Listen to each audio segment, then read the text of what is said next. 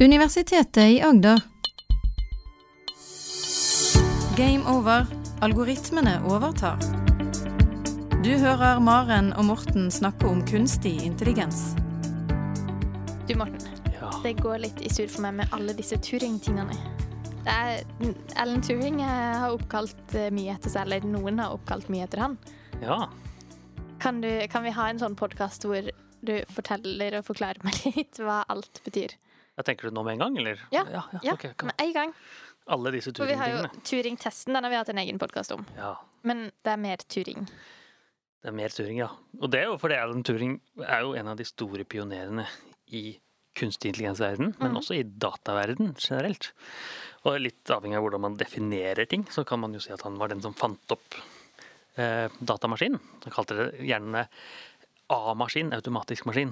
Eh, og den maskinen er en ikke-eksisterende maskin.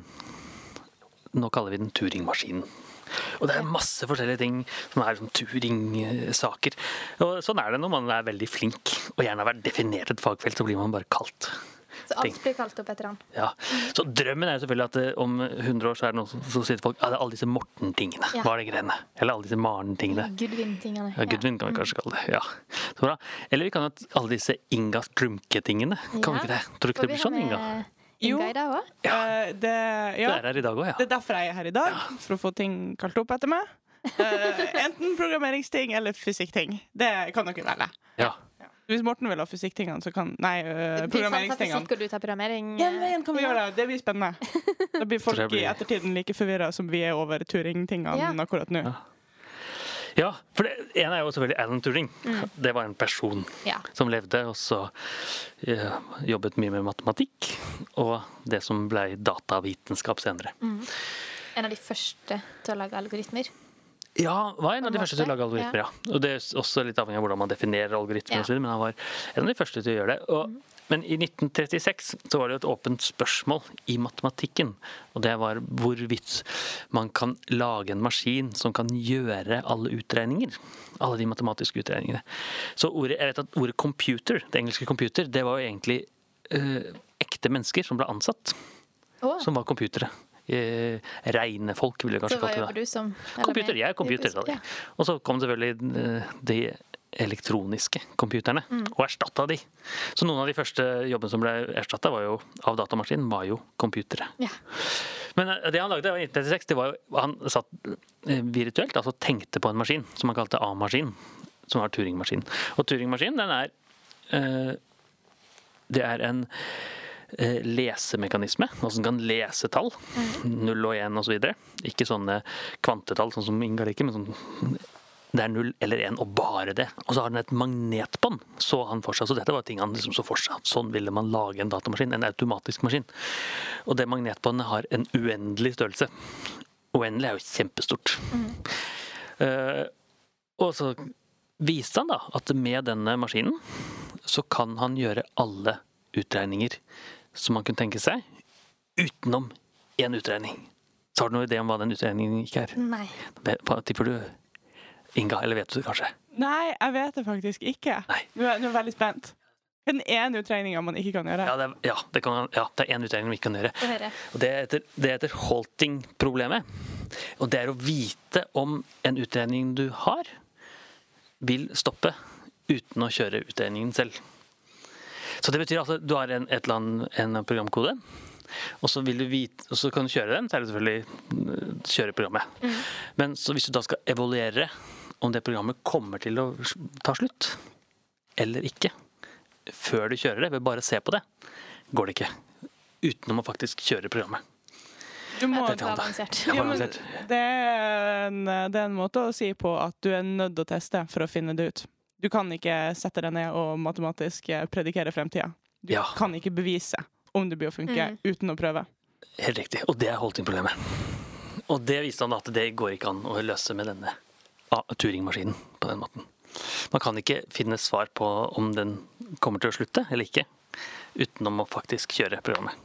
Og det er et problem. Ja, det, ja, det er selvfølgelig et problem. Altså i, jeg håper å si, I hverdagen, hvis du skal eh, regne ut ting, så er det et problem hvis du ikke vet hm, kommer denne utregninga som er viktig for meg eller bedriften min, eller hva nå enn, faktisk til å, til å komme i mål. Ja. Vi ser det mye i praksis i, i noen programmeringsspråk, fordi vi har eh, eh, noen av disse språkene som heter Java, eksempel, er et sånt programmeringsspråk, eh, hvor man kompilerer, altså lager det til et dataprogram, og så kjører man etterpå. Og da er det sånn at man vet kanskje ikke om denne eh, funksjonen, matematisk, eller datafunksjonen, blir ferdig eller ikke. Og så har de noen sånn pragmatiske måter å si at det, jeg regner med at alle sammen blir ferdig. Men det kan være at du har en evig løkke, f.eks. Det betyr at, den, at du, eh, du sier når én er større enn null, gjør dette. Ja. Og så vil det aldri være sånn at det ikke er sant. Og da vil den fortsette alltid, alltid, alltid. alltid, alltid, alltid, alltid. Tror du det er derfor eh, mange av de som jobber som data scientists nå og jobber med maskinlæring og kunstig intelligens, bare like greit holder seg til Python? Python er jo en annen type språk som ikke trenger kompilering.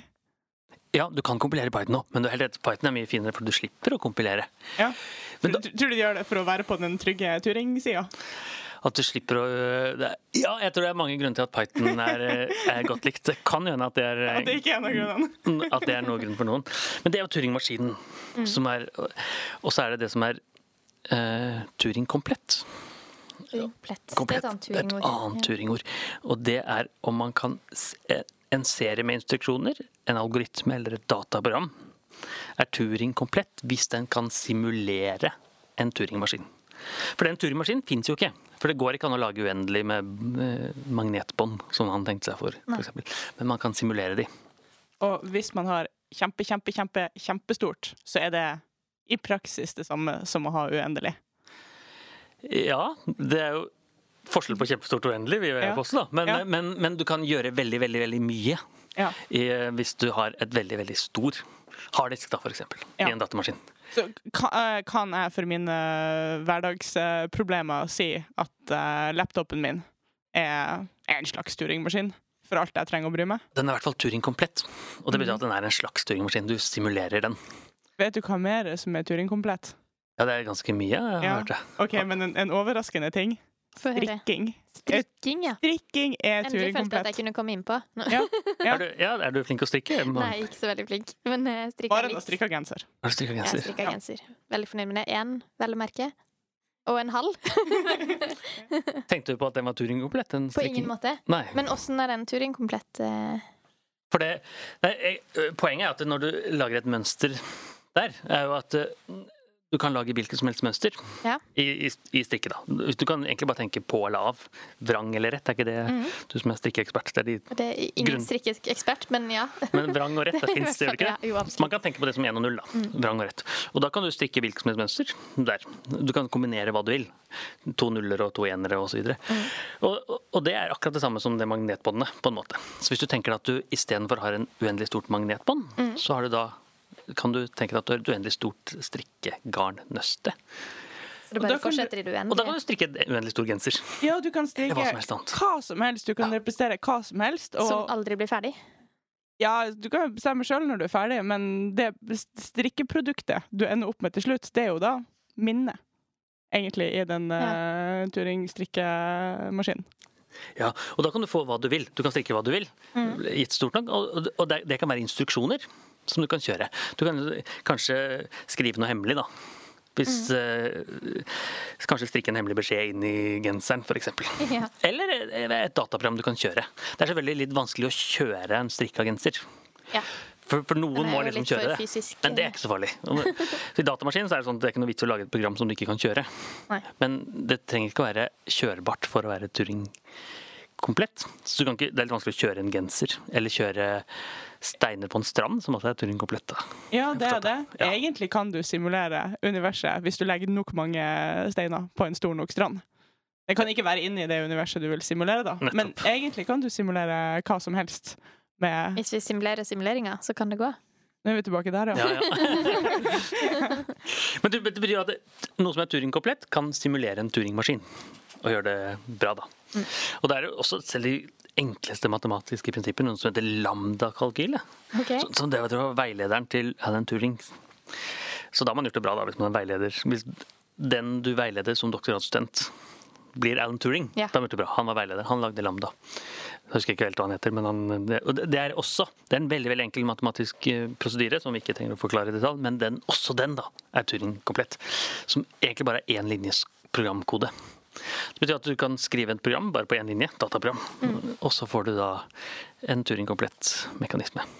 Så, er Turing så da har du Turing. Da har du Turing-maskin. Turing-maskin. Og så har vi Der er Alan den. Turing. Ja, Og så har vi Turing komplett. Mhm. Og så har vi Turing-testen, den har vi snakket om. Turing-testen har vi snakka litt om. Det var jo når eh, vi lurer på om noen, en robot er intelligent eller ikke. mm. Eller en algoritme eller et dataprogram. Og så prøver den å lure oss til å tro at det er et menneske, og så snakker vi dem gjennom en svart vegg. Og tar en Turing-test. Så jeg vet ikke noe om hvis vi ikke ser, merker forskjell, så har den bestått Turing-testen. Ja.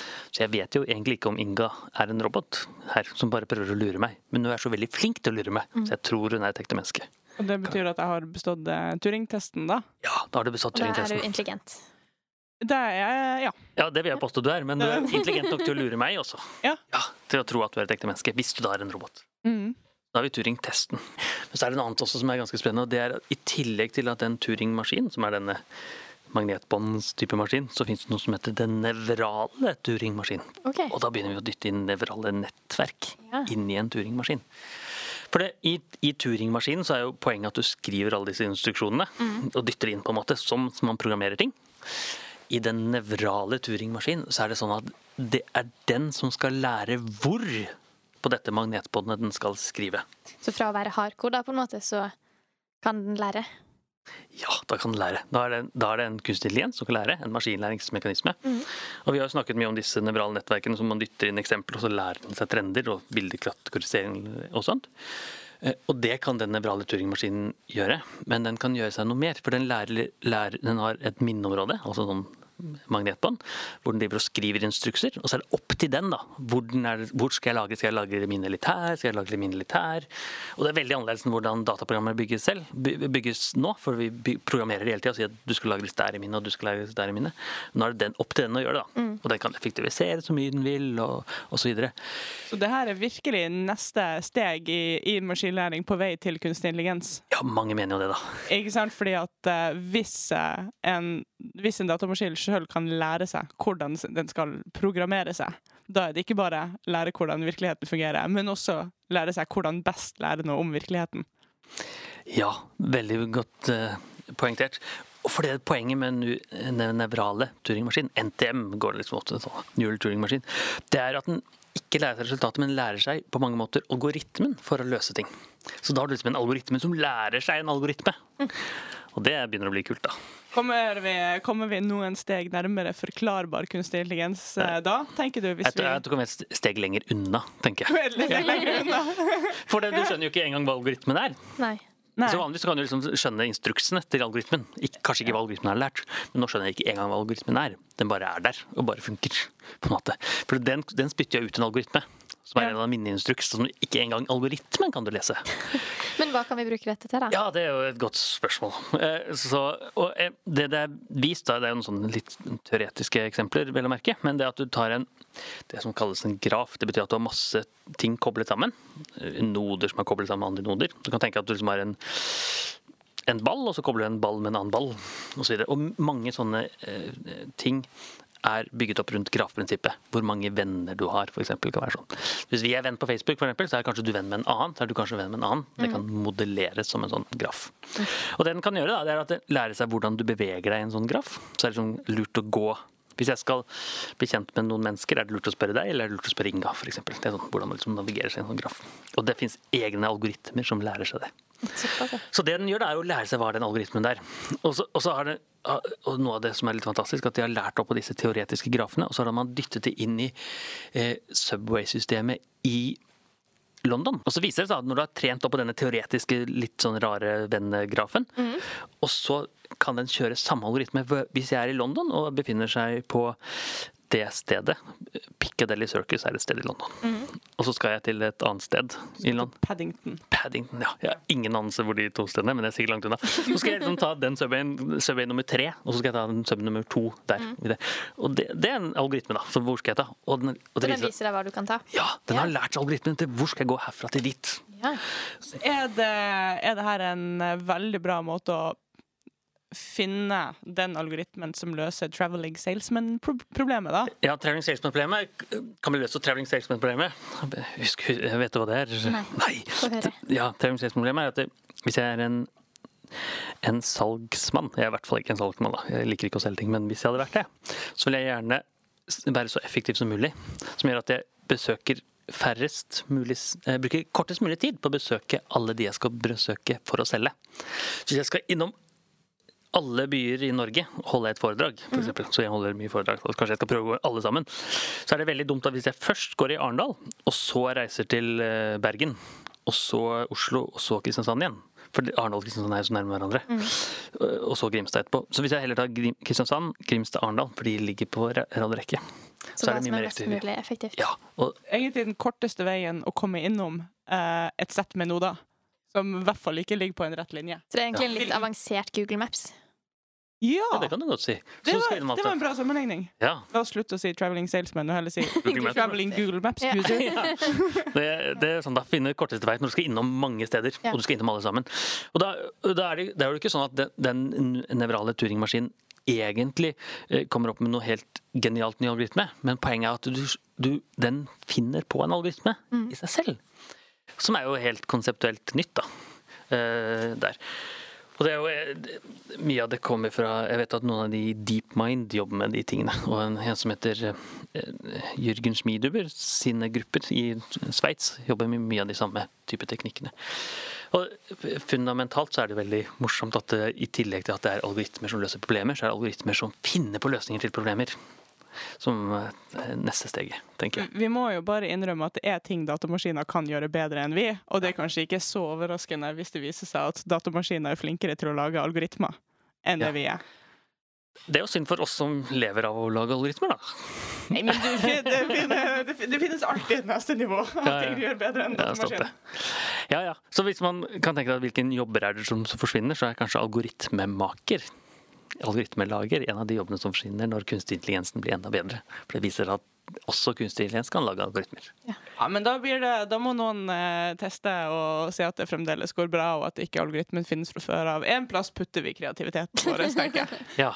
Men du, hva må jeg gjøre for å vinne Turingprisen? ja, da må du gjøre noe veldig smart. Og Turingprisen er jo selvfølgelig denne, det som på mange måter blir forklart som nobelprisen i eh, dataverden.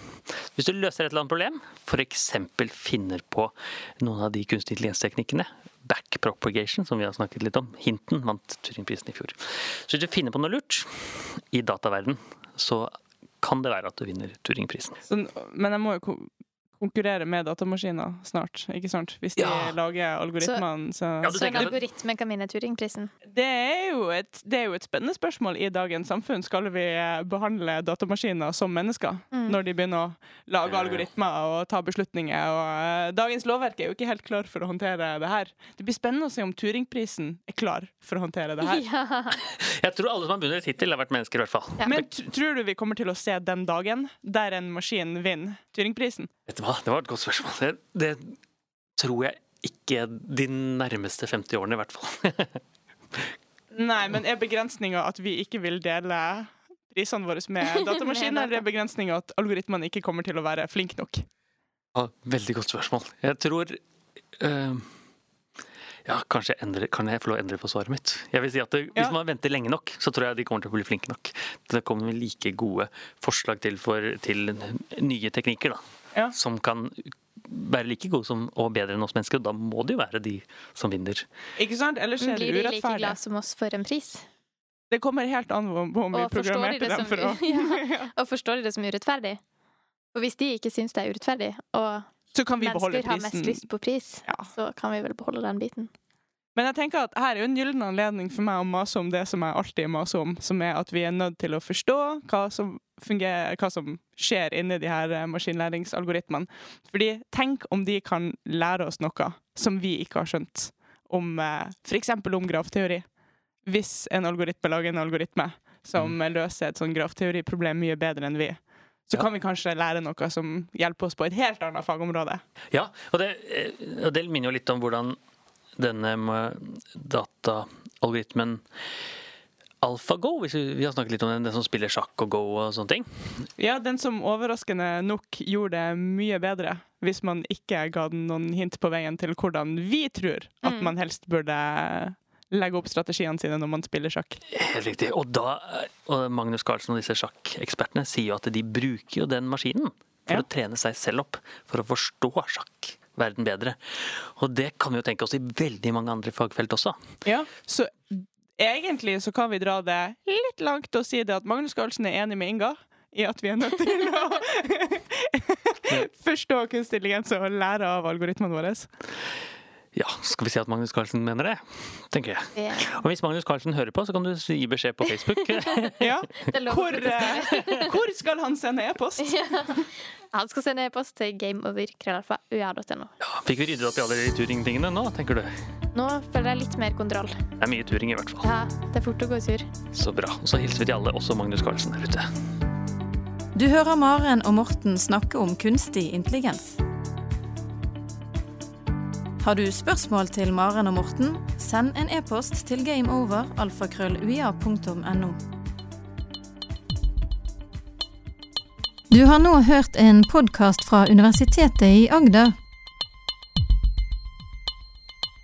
Du finner flere podkaster fra UiA på uia.no podkast.